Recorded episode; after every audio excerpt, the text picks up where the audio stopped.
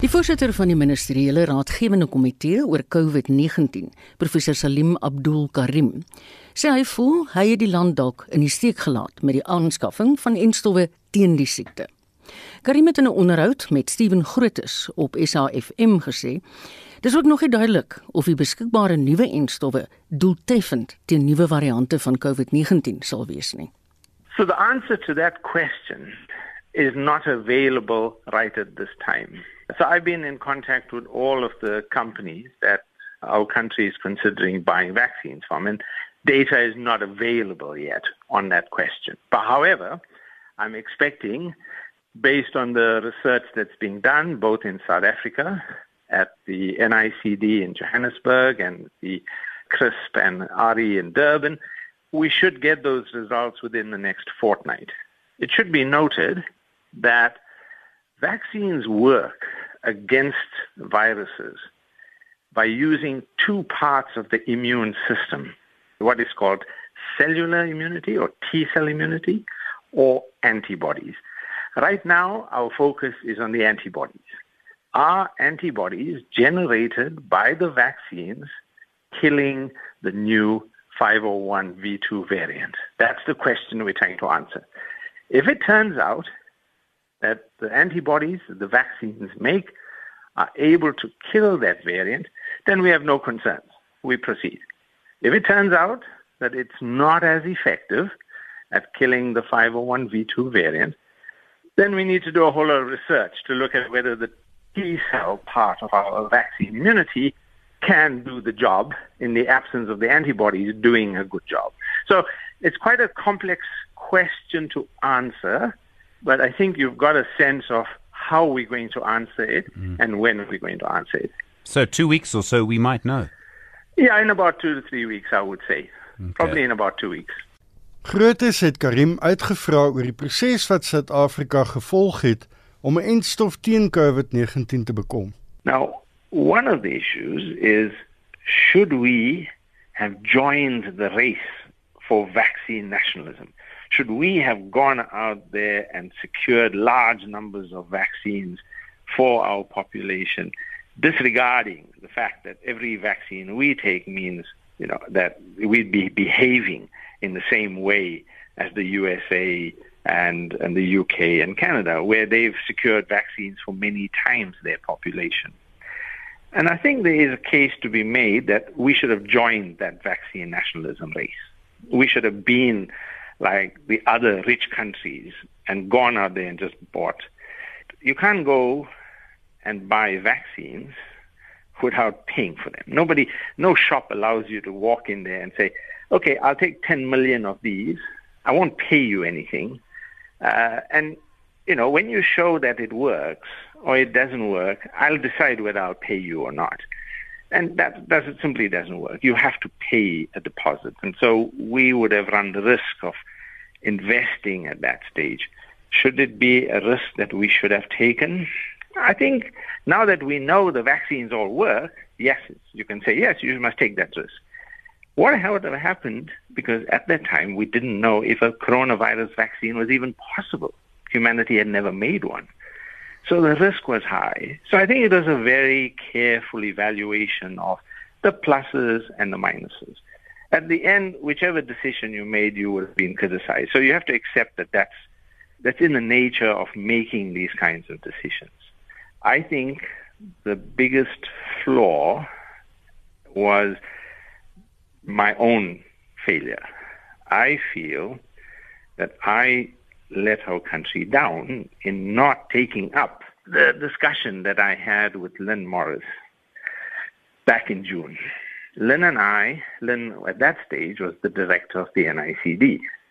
She and Janusz Paweska, together with the people at Onderstpoort, wrote an article in which they described South Africa's capability in making chicken coronavirus vaccines. And I know this because I visited Rainbow Chicken when I was studying virology, and I saw how they made coronavirus chicken vaccines. So there was a lot of discussion. She and I had a conversation, said, should we make a vaccine? And I said, I think it's a great idea, but I don't know if it's really viable. Even if you made the vaccine, we don't really have a facility to manufacture it. We don't have a human facility to make vaccines in this country. As you know, we don't have one right now. BioVac is the only one that can make certain kinds of vaccines. So I think we should have joined the race at that stage. This was back in July or so. I mean, I don't think we would have had a vaccine right now, our own vaccine. But I think there was an important opportunity to set up the infrastructure, the research and development capacity to make vaccines, even if it wouldn't have helped us with this epidemic. It was going to be an essential part of what we need to do for the next one. Because, take it from me, this is going to happen on a regular basis. We're going to see these kinds of pandemics. So I feel uh, I let the team down a bit. I should have been more forceful. I should have gone and raised money and helped them set it up and do it. I didn't at the time. I think mainly because of the bandwidth of trying to do too many other things. But I think it was a lesson for all of us. En dit was die voorsitter van die ministeriële raadgewende komitee oor COVID-19, professor Salim Abdul Karim, wat daardie gesprek met Steven Grootes afgesluit het. Ek is Hendrik Martin vir SAK nuus. En ons bly by die onderwerp van COVID. Ons praat nou met die koronavirus spesialis, professor Bertram Fielding aan die Universiteit van Wes-Kaapland. Goeiemôre, Bertram. Goeie goeiemiddag Marita. Die minister van gesondheid het aangekondig dat die eerste voorraad en stowwe reeds in volgende week in die land sal aankom. Weet julle ouens al hoe dit versprei gaan word? Marietta, ehm um, soos ek al vroeër gesê het, ek dink ehm um, hierdie tipe enstowwe moet gaan aan hoë risiko ehm um, mense. So wie is ehm um, wie het 'n hoë risiko om ernstige COVID ehm um, te ontwikkel en dan ook 'n baie belangrike groep is soos mediese personeel. So dat ek dink hoë risiko mense ouer as ouer as 60 miskien met komorbiditeite en dan die mediese personeel behoort hierdie eerste te kry. Ons het nou geluister na dokter Karim. Hy het nou net gesê daar sal binne 2 weke bepaal kan word of die enstof teen die nuwe COVID variant in Suid-Afrika werk. Stem jy saam met hom? Definitief. Ehm um, ons ons dink hierdie enstof sal nog effektief wees teen die variant.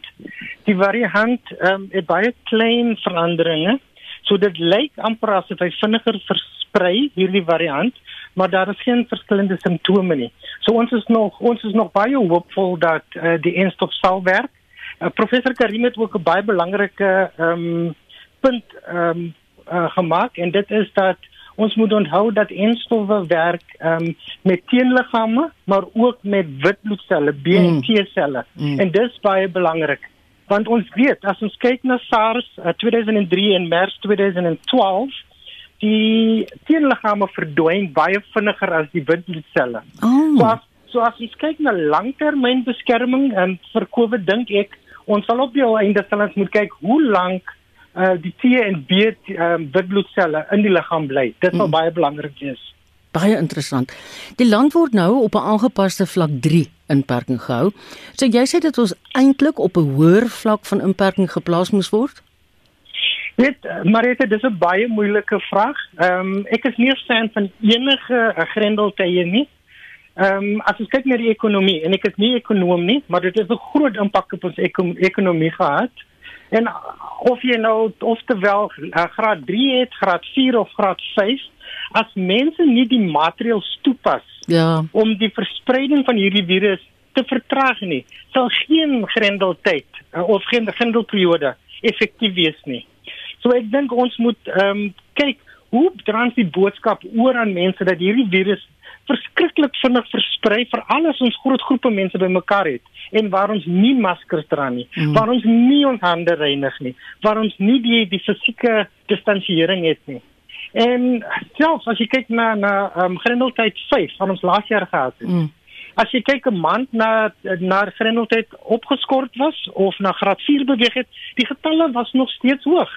Hmm. Want mense pas net nie die maatreëls toe nie en dis baie belangrik. Hoe kry ons mense om daardie maatreëls toe te pas? Ja, dis baie waar professor. Ek het vroeër vanoggend beeldmateriaal gesien waar mense wag op die uitbetaling van hulle SASSA toelaas. Weet jy hulle sit in lang rye, maar hulle sit letterlik omtrent op mekaar en so elke derde vierde ou het nie 'n masker op nie. Presies en en ons ons weet buite in die vars lig is jou kans uh, minder Ah. om hierdie virus te kry maar nog steeds. As jy baie na aan mekaar sit, selfs buite, dan is daar 'n kans. En dis dieselfde tipe ding wat ons in supermarkte sien op die oomblik. Ons ons sê vir mense dra jou masker, maar ons vergeet om vir mense te sê dit moet oor die neus en die mond gaan. 'n Ja. Masker is nie 'n fashion statement nie. So Ja, ons dis- vergeet dit amper. Mm, dis baie reg. Dit is wat vir my nogal raar is oor hierdie inperkings dat hulle toelaat dat mense, hulle mag nie op die strand wees nie, maar hulle mag na 'n groot winkel toe gaan om kos te koop. En dis presies hoekom ek nie 'n fan van hierdie grendel aan tye is nie. Want as jy gaan sê mense mag nie strande toe gaan nie, dan moet ons ook sê mense kan nie na supermarkte of restaurante toe gaan nie. Mm. Want as jy kyk na die na die SARS, uh, MERS en selfs die vroeë um, tye van hierdie pandemie, Mm. die oorgrootste meerderheid van mense was besmet um, in supermarkte en restaurante, in kerke en hospitale en by die huis. Ja. Jou kanse buite is baie baie skrallig. Bertram, sal jy sê dit lyk asof ons nou die kruin van die tweede vlaag bereik het? Ehm um, ongelukkig is ek is, ek is ook nie 'n fan van van die term kruin en golwe en waves en second wave nie. Want alles hierdie is gebaseer op statistieke. En as ons mense nie maatreëls meer effektief toepas nie, kan die getal selfs hoër ehm um, toeneem. Mm. So ons mag selfs hoër hoër getalle sien. As ons mense wel die maatreëls toepas, dan mag ons miskien die die toppe van infeksies gesien het en dan kan ons 'n vermindering in infeksies sien. En dis regtig wat wat daai um, wave is. Ja, ja, ja. Jy's nou in die Wes-Kaap self, maar hoe sal jy die situasie in hospitale vir ons kan beskryf? Is daar nog plek om pasiënte op te neem? Maar dit dis 'n nagmerrie van wat ek verneem. Ehm um, die getalle is verskriklik hoog. Ons moet nog altyd onthou. En ek weet as ek dit sê, ek weet ehm um, ek probeer nie mense se se hartseer en verlies minimiseer nie. Mm -mm. Maar as ons kyk na die getal mense wat sterf, as 'n persentasie van die infeksies, is dit nog vir altyd 'n verskriklike klein getal. Die oorgrootste men oorgrootste meerderheid mense wat besmet word met hierdie virus, sal asymptomaties wees of baie ligte simptome het. Mm. So uh, ja, baie van hulle um, kry suurstof, maar regtig net dis wat ernstig in hospitaal is. Hulle is my my, my ware bekommernis. Ja, ja, ek verstaan dit. Dink jy ons gaan weer in 'n posisie wees waar kritieke besluite deur dokters geneem moet word oor mense se lewens? Ek dink ons is klaar daar. Mm. Um, as jy kyk na hoeveel ventilators ons het, as jy kyk hoeveel beddens ons het en alles dit plaas ons nou op die mediese personeel. Maar ek dink ons moet as die publiek moet ons ook verantwoordelikheid neem. As ek as ek siek voel, moet ek by die huis bly. As ek siek is by die huis, hoe minimiseer ek die verspreiding van hierdie virus en hoe minimiseer ek die kanse om mense wat saam met my die huis deel te besmet? En Ja. dis die tipe wat ek uh, vra wat ek moet vra. Baie baie dankie vir jou tyd en ook jou insig. Ons het gepraat met die koronavirus spesialis, professor Bertram Fielding van die Universiteit van Wes-Kaapland.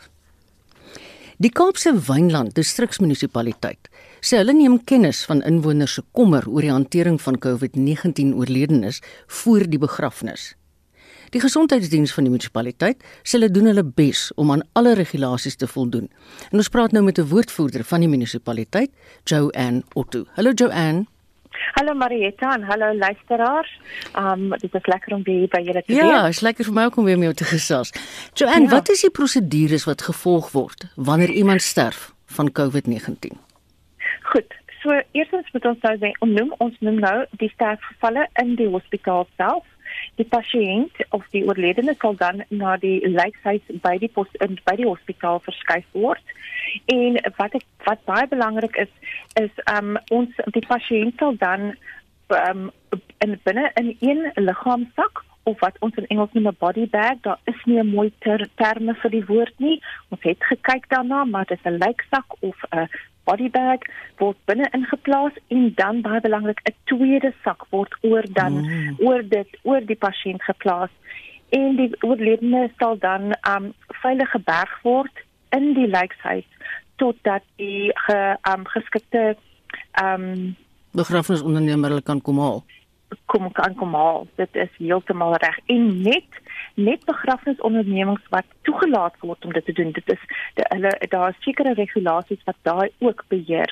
Um hulle moet geregistreer wees. O, oh, ek het dit nie geweet nie. Met ander woorde wat jy vir my sê is 'n COVID-19 oorledene se verskillende hantering is die feit dat daar 'n dubbele sak is. Daar is 'n dubbele sak en daai sak word dan ook ontsmet voordat dit gestoor word Goed. en dan um, en dan word dan afhaal word deur die ondernemers. En hoe gou moet iemand begrawe word? Dis baie interessant. Daar is nie op hierdie stadium 'n regulasie daaroor nie en um, of 'n tydsraamwerk wat voorgeskryf word nie, maar die begrafnis of verassing moet verkieslik so spoedig moontlik plaasvind. Maar daar is um, daar is ge, ge, uh, so, daar is geleenthede waar um, inwoners asseblief daarop moet let dat die owerhede in sekere gevalle tussen beide kan kan tree om seker te maak dat veiligheidsmaatreëls nagekom word. Mm. So maar jy het dan nie net by die lijkhuis self nie en onthou luisteraars, lijkhuise is net by hospitale of forensiese patoloë. Begrafnisondernemings is nie lijkhuise nie. So dit is daar's 'n verskil. Die die begrafnisonderneming berei die die liggaam voor vir begrafnis of verassing, maar ehm um, stoor nie die liggaam veilig soos by 'n lijkhuis nie. Wie reik in so 'n geval die doodsertifikaat uit Joanne? Die die hospitaal sal vir sal sal 'n doodsertifikaat gee, maar die die die familie moet dan na die departement van binnelandse sake toe gaan om die korrekte um um doodsertifikaat te kry wat hulle dan by die binnelandse sake aangemeld het en daai doodsertifikaat moet in die naam van die afgesterwende wees.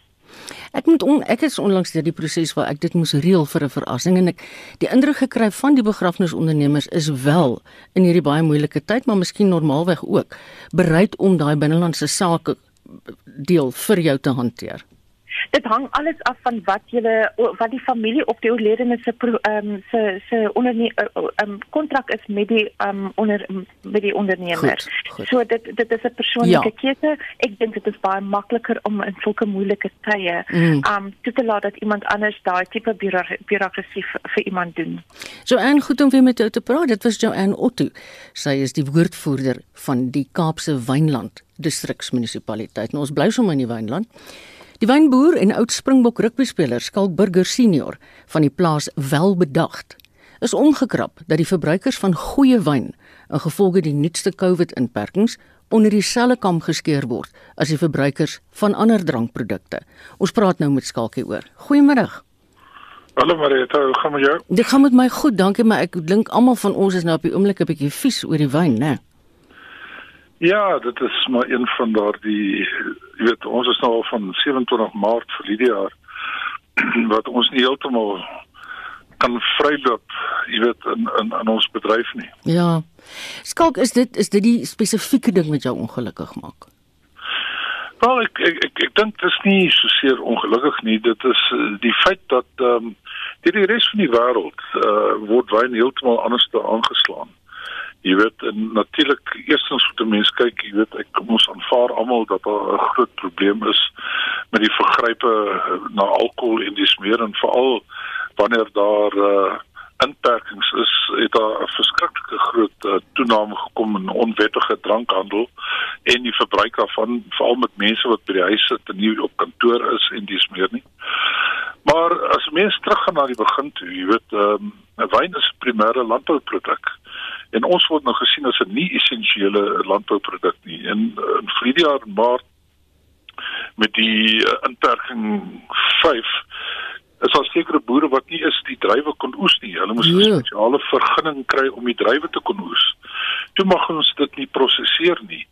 En wat min mense verstaan, jy weet, ek bedoel uh ons is 'n meer 'n uh, primêre unieke landbouproduk as appels, pere, lemoene, suurlemoene en tafeldruiwe want al daardie produkte kan verkoel word en kan gehou word. As jy 'n 'n wyndruif uh, gepluk het of geoes het, mm. moet hy verwerk word. En dan is hy natuurlik 'n hoogs bederfbare produk en dan hy oesjaar by dit. Mense wil sekere mense wil in 2020 2020 wyn drink of in 2021 wyn drink. So met ander woorde in hierdie wêreld word 'n wyn nie geklassifiseer as deel van die alkohol lobby nie. Want ek bedoel daar jy weet die alkohol uh, spektrum is baie groot. Ja. Jy weet van bier die grootste boere het gekom in bier, RTD's, jy weet hierdie hierdie alkoholiese verversings, mm. spiritus en dis meer. En as mens dink aan die wynbedryf wat hoofsaaklik in die Wes-Kaap gesetel is, intussen 3 en 400 000 mense werk gee, direk en indirek, want ons sien net op die plaas hier, dis bottels, kapsules, kurke, vervaardigers, trekkers, diesel, chemikalieë. Is dit 'n massiewe uh, deel van die Weskaapse se industrie en en 'n wynboer kan nie soos uh, as daar oorskot van graan is kan hy volgende jaar jy weet iets anders te sorghum of uh, mielies produseer nie. Ja. Ons sit met wingerde wat 15 20 jaar oud is. Dit vat jou tot 6 jaar vir 'n wingerd uh, volledig produksie lewer. So ons moet die wyn verkoop kry en dan sit ons met oor die 300 miljoen liter oorskotwyn ja. en dis waar die groot probleem sit. Die baie van hierdie kellers het nie spasie om vir jaar en ons begin man het al vandag begin pas oes. Daar's nie spasie in baie kellers om vir jaar se oes in te bring nie. Ja. Ons het gister met Agri SA gepraat en hulle het presies dieselfde ding gesê van die surplus. Kan ons net vir ten slotte vra in jou spesifieke geval, gee net vir ons 'n voorbeeld. Hoe het dit jou plaas welbedag en jou bedrywighede geraak van verlede jaar Maart af? Wel, vir 5, 6 maande kon ons absoluut niks doen nie. Ons kon niks wyn verkoop hoegenaamd nie. Jy weet, uh, ons kon nie uitvoer nie. Jy weet, en toe ons kon uitvoer, toe die minister van vervoer sê ons mag nie alkohol vervoer nie. Toe ons dit kon vervoer, toe die Engelse markte al toegemaak van jy weet daar's kanale wat jy moet insit. Ons was laat daarvoor gewees toe het ons nie wyntoerisme gekry nie, het ons was geplaas en al die plase met handelsmerke kry baie toeriste en mm. van Oseaf, daar was geen toeriste gewees nie. En die plaaslike mense kom hoofsaaklik op 'n Saterdag en Sondag na jou plaas. Ja. Maar toe kon ons nie Vrydag, Saterdag en Sondag uh, wyn verkoop nie. Toe gee hulle ons 'n vergunning dat ons kan wyn laat proe na wat man kom om te proe sonder om te koop. Jy weet dit is net so goed om jou suster te soen.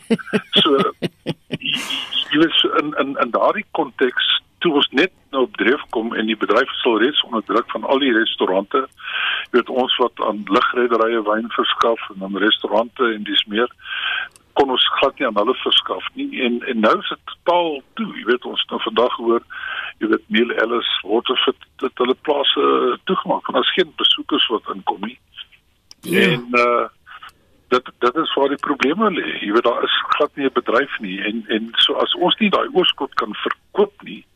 Jy weet uh, hoe kan ons dan plek maak vir uh, jy weet die wyn wat nou inkom en dit is waar die probleme inkom. Skalk jy sou nou maak dat ek nou jou privaat selnommer hier op die lig laat mense weet waar kan hulle jou kontak. Baie dankie vir jou tyd hoor, ek waardeer dit. Dit was die wynboer en oud Springbok rugby speler Skalk Burger senior. Die kommissie van ondersoek na staatskaping is tot 'n latere stadium uitgestel. Adjunk hoofregter Raymond Zondo sê hy kan nie verder na die voormalige finansiële hoof van Eskom en Transnet, Anosh Singh, se getuienis luister nie. Ons praat nou met ons verslaggewer by die kommissie, Amina Akram. Good afternoon, Amina. Dit klink vir my sy's by die kommissie en ek is hier. Kom ons gaan na die nuus van die dag. O, sy daar. Hallo Amina. Good afternoon. For a minute, I thought you were gone. Please bring us up to speed as to what happened this morning. Well, we were expecting the testimony of uh, former CFO of Transnet and ESCOM, Anoj Singh. Mm. So he's he was uh, allegedly pointed out as one of the enablers of state capture at both entities um, regarding the locomotives and obviously the Gupta Link companies that he was uh, said to have signed off this contract. So he was supposed to start his testimony today, but that didn't happen uh, because apparently the affidavit um, that was sent to him was defective and didn't really exist. So uh, Deputy Chief Justice Raymond Zondo lashed out at the Commission's evidence leader, Pule Seleka, and his legal team for failing to issue that appropriate uh, affidavit. So essentially, what happens at the State Capture Commission, every witness that's supposed to appear at the Commission is supposed to get a comprehensive um, sort of someone, including they're supposed to file back an affidavit uh, relating to, to their testimony, and they're supposed to know what they're supposed to testify about. So this didn't apparently happen for Anoj Singh. So he's been given until the end of business on Monday next week to file a comprehensive a comprehensive affidavit to the commission. That is what happened this morning. Amina, you know, he is known, Judge uh, Raymond Zandu, for his patience. But you could see that he was agitated this morning with Seleka he's actually he was very frustrated and you could see he was a little bit angry you know um, this is a group of very efficient um, um, uh, evidence leaders i mean it's it's a whole bunch of mm. lawyers and um, you know investigating teams for the commission and a lot a lot of money has gone into making sure that this entire team yes. that works around the Zondo commission mm. is quite efficient so the fact that he was angry with the fact that they didn't do their job um, eloquently and uh, efficiently and correctly, quite frustrated and angered him mm. this morning. So this is it's the first time actually since I've covered the commission that I've seen him lashing out at um, you know his evidence leader.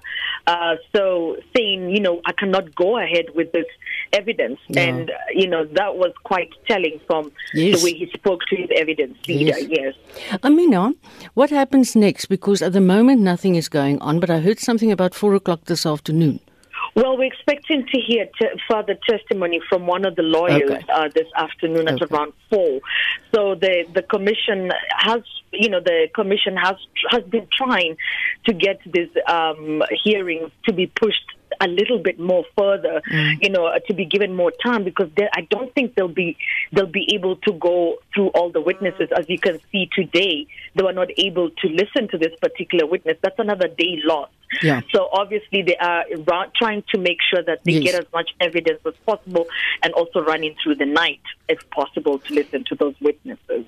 Amina, thank you very much for speaking to us. Dit was ons verslaggewer by die Sonderkommissie van ondersoek na staatskaping, Amina Akram. Jy luister na Spectrum elke weekmiddag tussen 1 en 2. In vandag se Spectrum, die voorsitter van die kommissie van ondersoek na staatskaping, adjunk hoofregter Raymond Zondo, sê hy kan nie in hierdie stadium voortgaan om die getuienis van die voormalige finansiële hoof van Eskom en Transnet, Anos Singh, aan te hoor nie, omdat sy verklaring foutief is. En vakbonde by die SAIK beraadslaag oor 'n beplande staking na afdankingsbriewe aan sowat 300 werknemers gestuur is. Got in at 4 o'clock. By 6 o'clock, all the people in our team at the output radio desk got the letters saying that we are surplus staff members. Bly gerus ingeskakel, ons is hier tot 2 uur. Is 21 minute voor 2. Die SAIK gaan voort met sy afleggingsproses ten einde koste te bespaar en spesifiek uitgawes op salarisse te besnoei. Die aantal werkers wat hierdeur geraak word, is net meer as 300 nadat dit aanvanklik 600 sou wees. Hendrik Weingart het meer. Die SAIK het in November verlede jaar briewe aan oorbodige personeel begin uitreik. Teenstand van vakbonde, politieke partye en die burgerlike samelewing het egter daartoe gelei dat die proses met 'n maand vir verdere oorlegpleging uitgestel is. Hoewel die betrokke personeellede gehoop het hulle werk sou hierdeur gered word, is die uitsaaier duidelik daaroor dat besnoeiings moet voortgaan. Briewe is opnuut hierdie week aan werkers gestuur onder wie Rolani Baloy, 'n redakteur by die Radio News Bulletin lesenaar. We were all shocked this morning. We got in at 4 o'clock. By 6 o'clock, all the people in our team at the output radio desk got the letters saying that we are surplus staff members. And we're all shocked. We're asking ourselves, why are we surplus? Because people have died, people have retired, people have resigned in our department, and those posts were never filled. So we all don't understand what's going on. Na jare in diens van die SAIK is hy teleurgesteld oor die jongste verwikkelings.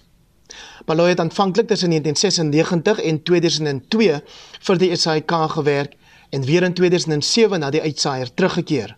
I was here when we covered the 2010 FIFA World Cup. I was here when Madiba passed away when we worked 10 days without rest. We worked 12 hours. I've covered more elections than a lot of people in the SABC, both as a reporter and as an editor. Even when COVID 19, when we went into level five early last year, we were all here. So it's been a long road with the SABC. Anyone who's worked for SABC News will tell you you don't just stick to what you're employed to do. We do more than what we are expected to do. Baloy voer aan dat die hele proses vir die SAIK bestuur slegs op 'n getallespel neerkom. It's very impersonal because they should have called us and say, "You at the radio news output desk, this is how many you are."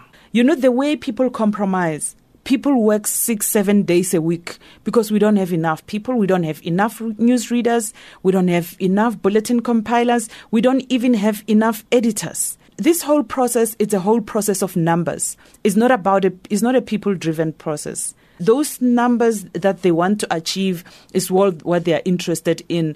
And hence the emails are just sent Die twee vakbonde wat die grootste aantal SAIK werknemers verteenwoordig by MAWU en die CWU, sit intussen koppe bymekaar oor die moontlikheid van 'n staking om die afleggingsproses permanent te staak.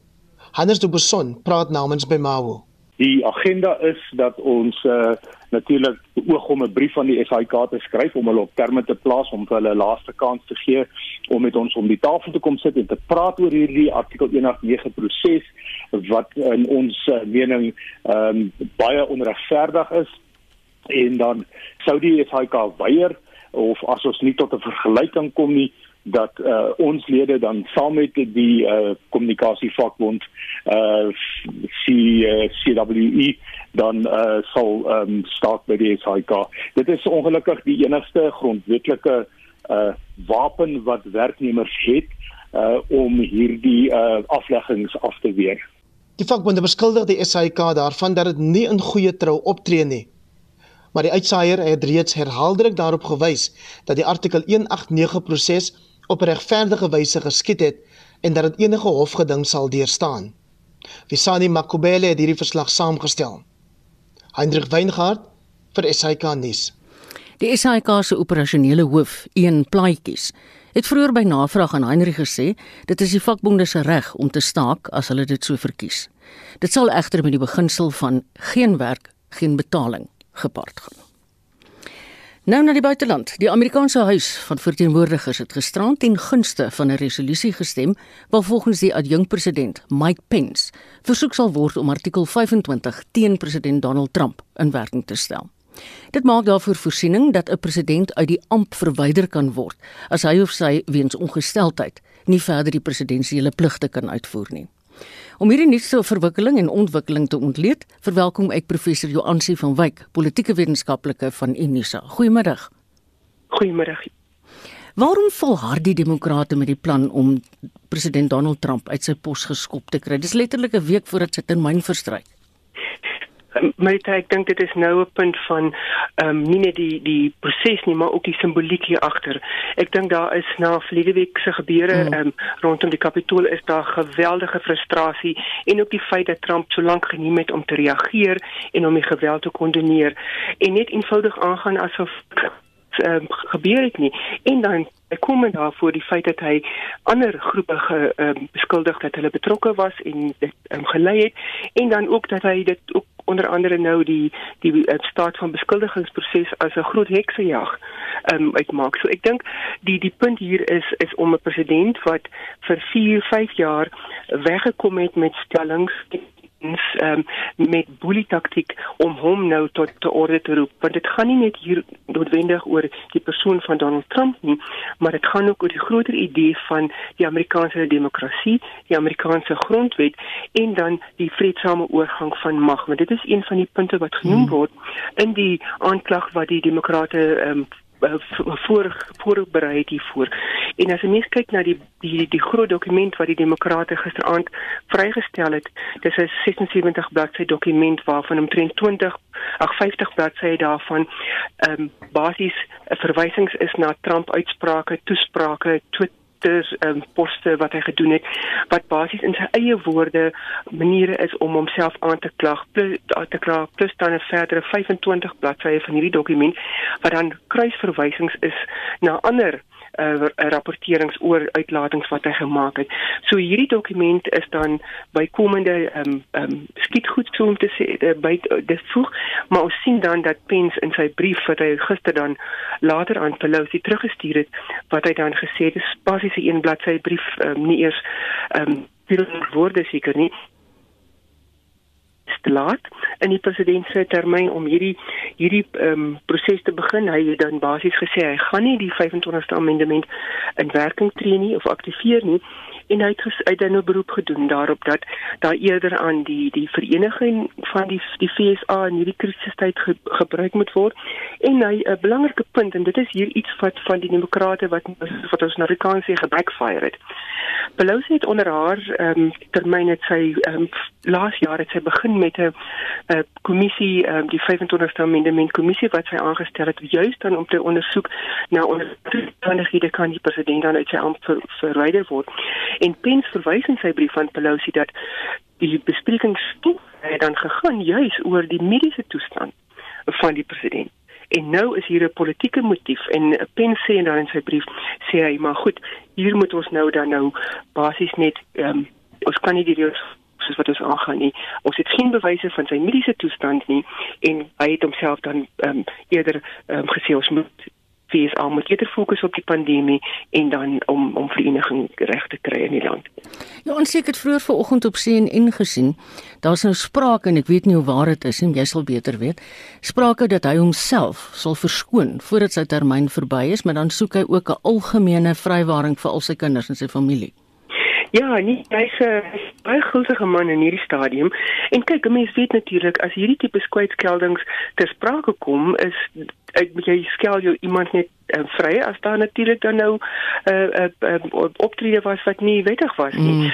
Goed, hoe ver hy daarmee gaan wegkom, ehm um, kyk Trump het nog elke keer met hierdie tipe goed weggekom en soos wat ek ehm um, ek meen hy het sy meelopers en makkers het hy in kriminele het hy vrygeskel. So hy is heeltemal in staat, sover ek weet is daar nie 'n regspunt Eh, wat dit wat hom dit verhoed om dit te doen nie, maar hy sal dit teen teen doen. En kyk, ek meen hy is nog volle in beheer tot volgende week omtrent hierdie tyd en hy het uh, heel wat um, presidensiële magte nog wat hy tot daai tyd kan gebruik, wat hy dekrees kan uitvaardig. Hy het 'n noodtoestand byvoorbeeld in Washington uh, afgekondig. Um, um, en dan ook die die veiligheids um, ja. uh, establishment by ingeroep vir die vir die inhuldiging. So ek ek ek gaan dit nie ehm um, ehm um, om vorm ehm um, ken dat hy dit definitief sal dat nog kan doen. Ja. Ek ek, ek is seker hy gaan ja. Jy is altyd so kundig oor Amerika. Baie dankie vir jou tyd professor Joansi van Wyk. Sy's verbonde aan Unisa. Nou, heeltemal 'n ander storie. Die seekoei wat 2 weke gelede in die noordweste van Johannesburg deur inwoners van Chartwell en Olifanhoutbos gewaar is, is die week weer gesien. Inwoners deel foto's van 'n seekoei wat oor 'n teerpad loop op sosiale media en dit wek kommer. Kenners maan die publiek om nie die seekoei te tart of te voer nie, want dit is 'n wilde dier. Ons gesels nou met die wildlewe kenner Vicky Broeker. Hallo Vicky. Hi, good afternoon, Marietta. How are you? I'm fine, thanks. Yourself? Good, thank you. Good. Do you have any idea where the hippo was spotted? And is it concerning? Well, I don't think it's confirming because I've spoken to quite a lot of people within the last couple of days, and nobody where she has been seen before and who live along the river, any of the residents, have actually seen her. Yes, there has been stuff on social media. Apparently, there was one where she was in a swimming pool. That has been confirmed that it is not up here. It okay. is down in the Lowveld, and that was taken a couple of years ago. Um, but the dangerous thing is that we don't know where she is, and I think that is the, the yes. point that we need to make. That, as you say, she is very much much a wild animal. She is enjoying the river at the moment because we're having heavy rain, so she can, you know, she can uh, make her way up and down the river very easily, um, and she enjoys that. When she has been spotted before, it's always when we have got uh, heavy rains, normally this time of the year, and she can can navigate better up and down the river. But the dangerous thing is we don't know where she is. We presume that most of the stuff that has been seen on social media is fake news. Um, I think I'm comfortable to say I've got enough evidence from people who have been tracking her that she hasn't been seen since uh, before New Year. So, in other words, you don't think this is the same hippo that they now have on photographs? Well, I don't think so. I've spoken to a lot of people over the last couple of days. Mm. Um, there's one photograph which looks very much she could be in one of those golfing estates Where? along okay. the Yexke River. Mm. Um, that was quite concerning because she's never really left the river before. You know, that is her safe haven, is the river. She's very familiar with the river. She's been up and down the river for a good four to five years. She knows people, although she is wild, but she moves away from people. And the danger is that she if she gets confronted or cornered, she will act exactly like a wild hippo would, yes. where she would, you mm. know, and 80% of any confrontation with a hippo pretty much is, is fatal. So that is our big, big concern that nobody gets hurt. And my big concern is that she doesn't get hurt. so um, we've got we've got people who are out trying to monitor her. I spoke to a woman uh, this morning who has uh, got a drone, uh, and uh, her and her husband have been trying to track her in the river where she had been seen before before before New Year, and they haven't been able to to okay. find her. The parts of the river are very wild who's paddled down that river from Chartwell towards Hartbeespoort Dam. It's a beautiful river. It's very wild and very um, and very secluded in many ways. And she can hide there. She knows that river. She's very river wise. She's very street wise when it comes to that river. But I really warn everybody: it's nothing to be yes. to be taken lightly. She's very dangerous, and um, even if you think there's a possibility that she could be there, not to go anywhere near. The authorities are on it. Um, in Department of Agriculture and Rural Development. Nature conservation, I haven't been able to get of. But if anybody does spot the hippo and needs to make uh, make it aware, if they could get hold of or email um, hello at ilovefourways.co.za and drop them an email, and we will then try and take it from there. But as I said, there's been no proven sightings of people that I have spoken to. Good. So let's hope she's gone back into the river and that she yes. will stay safe yeah, till yeah. we find an alternative way to deal with her. Can I just check with you, Vicky? Small letters, hello, at ilovefourways.co.za. Correct. Hello. Hello. Like yes, yes, yes. L-O mm. at I love all word, lowercase. Yes. Co. Uh, Thank you very much. and we'll mhm. try and see what we can do on that side. Yes, thank you so much Vicky. Ons het gepraat met die wildkenner Vicky Broeker.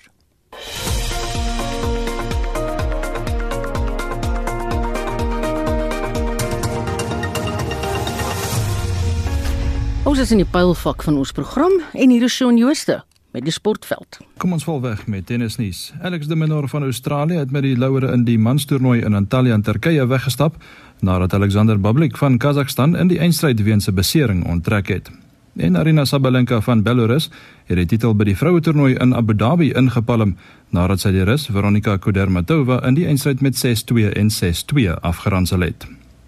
Op die sokkerveld in die DStv Premierliga kom AmaZulu 3 uur teen Kaizer Chiefs, SuperSport United 5 uur teen Bloemfontein Celtic en Chakuma FC ook 5 uur teen Orlando Pirates te staan. In die Engelse Premierliga speel Manchester City vanaand 8uur teen Brighton Hove Albion en Tottenham Hotspur kwart oor 10 teen Fulham. Cricket. Die veelsidige speler Angelo Matthews is in Sri Lanka se 22-man groep vir hulle tuistoetsreeks teen Engeland ingesluit nadat hy van sy besering wat hom uit die toetsreeks teen Suid-Afrika gehou het, herstel het. Die eerste van twee toetse slaan môreoggend af. En laastens in rugby nuus. Brits en Ierse leeuondersteuners het 'n petisie begin om die leeustoer na Suid-Afrika later die jaar na 2022 weens die koronaviruspandemie uit te stel.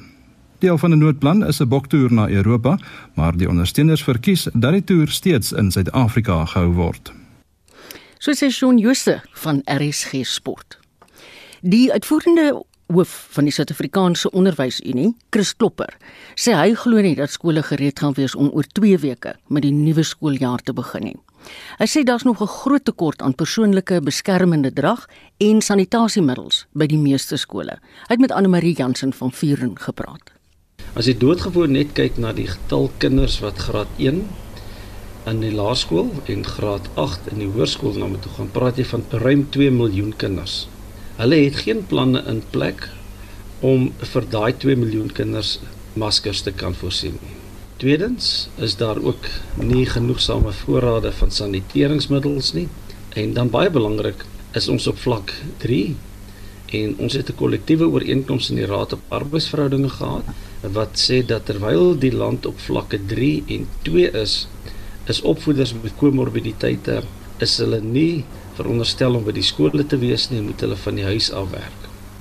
En daardie kollektiewe ooreenkoms kan nie net outomaties herleef nie. Daar moet 'n formele besluit geneem word tussen die werkgewer en die vakbonde om te sê daai kollektiewe ooreenkoms moet weer herleef en hy moet formeel weer onderteken word. So in kort is daar 'n geweldige klomp goed weet jy wat in plek geplaas moet word alvorens ons kan sê dat die skole kan oor 2 weke begin. Ons kort 'n hele nuwe stel direktiewe of regulasies in die algemene spreektaal wat volledig weer gepubliseer en gekonsulteer moet word. As ek nou wat jy gesê het baie kan vereenvoudig, jy dink nie eintlik die skole is reg om oop te maak nie. Ek dink ons praat van 25000 skole. Daar kan van die skole wees in meer welvarende gebiede wat sê ons sal self al hierdie toerusting voorsien. Moontlik sal hulle in plek kan wees. Maar jy moet ook kyk na die grootste gemeenedeler en dit is landelike skole, 'n groot getal en ek twyfel of hulle almal gereed gaan wees op 27 Januarie. Die vraag is natuurlik, sal dit katastrofies wees as die skooljaar sê nou maar met 'n week of 2 uitgestel word? Ons is van oordeel nee.